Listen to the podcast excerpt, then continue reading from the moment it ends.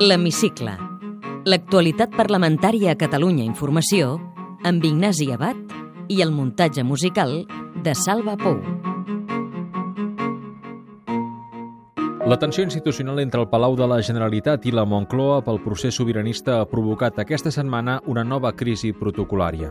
Després de la plantada de la setmana passada d'Artur Mas a la vicepresidenta espanyola als Premis de Foment per la impossibilitat de presidir l'acte, dimecres es va viure un altre episodi de desavinences en el marc del Fòrum Econòmic del Mediterrani al Palau de Pedralbes. Mas, anfitrió de la reunió, no va poder donar un missatge de benvinguda com pretenia. I va marxar abans que parlés el president espanyol Mariano Rajoy. De tot plegat en va parlar a la sessió de control arran d'una pregunta del socialista Pere Navarro. Senyor president, en els darrers dies hem assistit a una sèrie de discussions sobre qüestions protocolàries entre el seu govern i el govern del Partit Popular. L'últim exemple l'hem vist aquest mateix matí. Senyor president, no creu que seria una bona idea convocar la comissió bilateral Estat-Generalitat? No hi ha problemes protocolaris, hi ha imposicions protocolàries que generen problemes. És molt diferent. No hi ha un problema entre dos governs protocolàriament parlant, no. N'hi ha un que imposa unes determinades condicions. Els contactes polítics per la consulta s'han multiplicat aquests dies al màxim nivell. Dimecres, reunió de portaveus de Convergència i Unió, Esquerra Republicana, Iniciativa i la CUP per definir la via que es demanarà al Congrés. Tot apunta que serà el traspàs de la competència sobre referèndums a través de l'article 150.2 de la Constitució. Dijous, l'ecosocialista Joan Herrera es va veure soles amb el republicà Oriol Junqueras primer i amb el socialista Pere Navarro després. I divendres, reunió al Palau de la Generalitat del president Mas amb Navarro i el líder del PSOE, Alfredo Pérez Rubalcaba.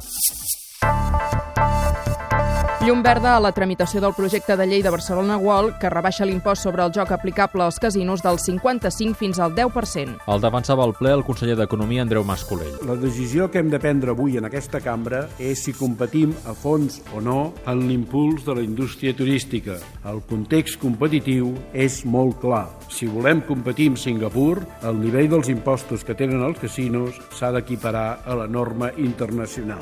El text ha superat tres esmenes de rebuig d'iniciatives Esquerra Unida, Ciutadans i la CUP. Sentim Hortència Grau, Jordi Canyes i David Fernández. Un projecte de llei que és el paradigma de la cultura de la política neoliberal i que no s'aguanta ni en el fons ni en la forma. Hubo un caso Casinos unos y yo les vaticino desde aquí en esta tribuna que habrá un caso Casinos 2. Aquellos que diseñan un traje a medida para señor Bañuelos, Beremonte, el grupo Melco. Serà un mal missatge al país i a l'ètica del país en veure com el Parlament legisla a favor de la màfia del joc Només Convergència i Unió avala el projecte de llei. El PSC, el PP i també Esquerra es van abstenir. El republicà Pere Aragonès prefereix bonificacions que rebaixa fiscal als casinos. Esquerra Republicana no donarem suport a un canvi de tipus a l'impost sobre el joc, modalitat casinos. Creiem que no està justificat. El que sí que s'ha d'estudiar són possibles bonificacions sobre creació i manteniment de llocs de treball que s'han fet en altres àmbits.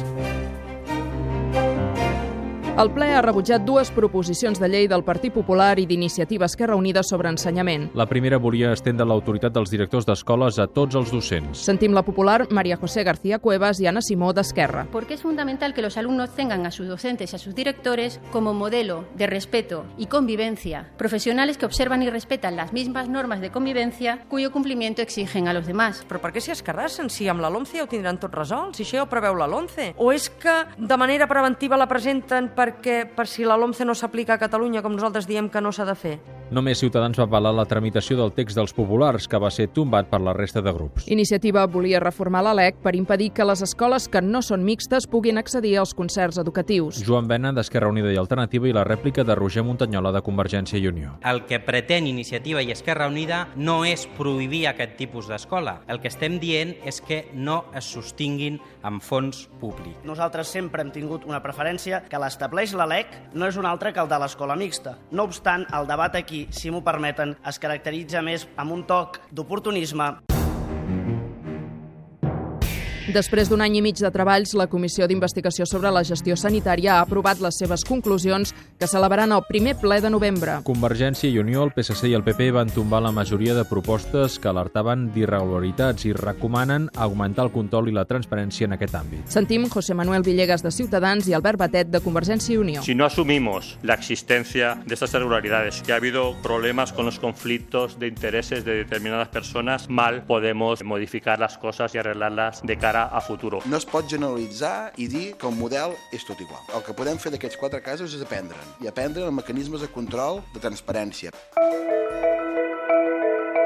La La setmana que ve es votaran les conclusions de la Comissió d'Estudis sobre les pilotes de goma. La majoria de grups demanen la supressió d'aquest instrument antiavalots. Convergència i Unió obre la porta a fer-ho si se substitueix per una altra eina robusta. El conseller d'Interior Ramon Espadaler va parlar dijous als passadissos de la cambra. Estem disposats a obrir la porta a la retirada de les pilotes de goma, en el ben entès que aquestes hauran de ser substituïdes per algun altre tipus d'eina robusta. Per tant, no estem davant d'una moratòria, no estem davant d'una retirada immediata de les pilotes de goma. El conseller Espadaler referma la seva confiança en el director de la policia, Manel Prat, després que tota l'oposició, excepte Esquerra, va demanar la seva dimissió en una moció de seguretat rebutjada al plenari. El titular d'Interior va anunciar l'obertura d'una investigació interna sobre la mort d'un empresari al Raval aquest mes d'octubre. Després de la publicació d'unes imatges on es veuen els Mossos colpejant aquesta persona. Només demano que no es facin judicis paral·lels i sí que vull informar a la càmera que hem obert una informació reservada al respecte, però que no ens precipitem. No podem jutjar les actuacions policials per unes simples imatges ni a cop de titular. Té la paraula Marta Ribas Frías, diputada d'Iniciativa i Esquerra Unida. en una frase.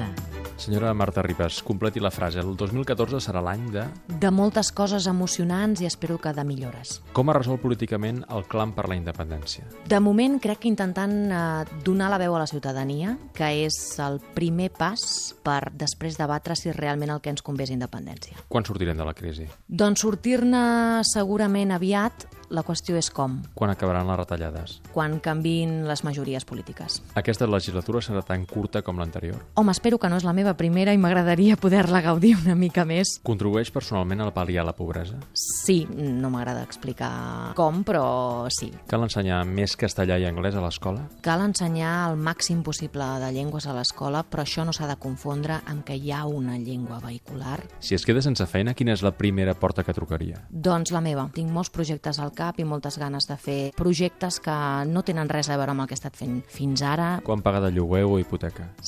520 euros actualment d'hipoteca. Ha cobrat o pagat mai en negre? No.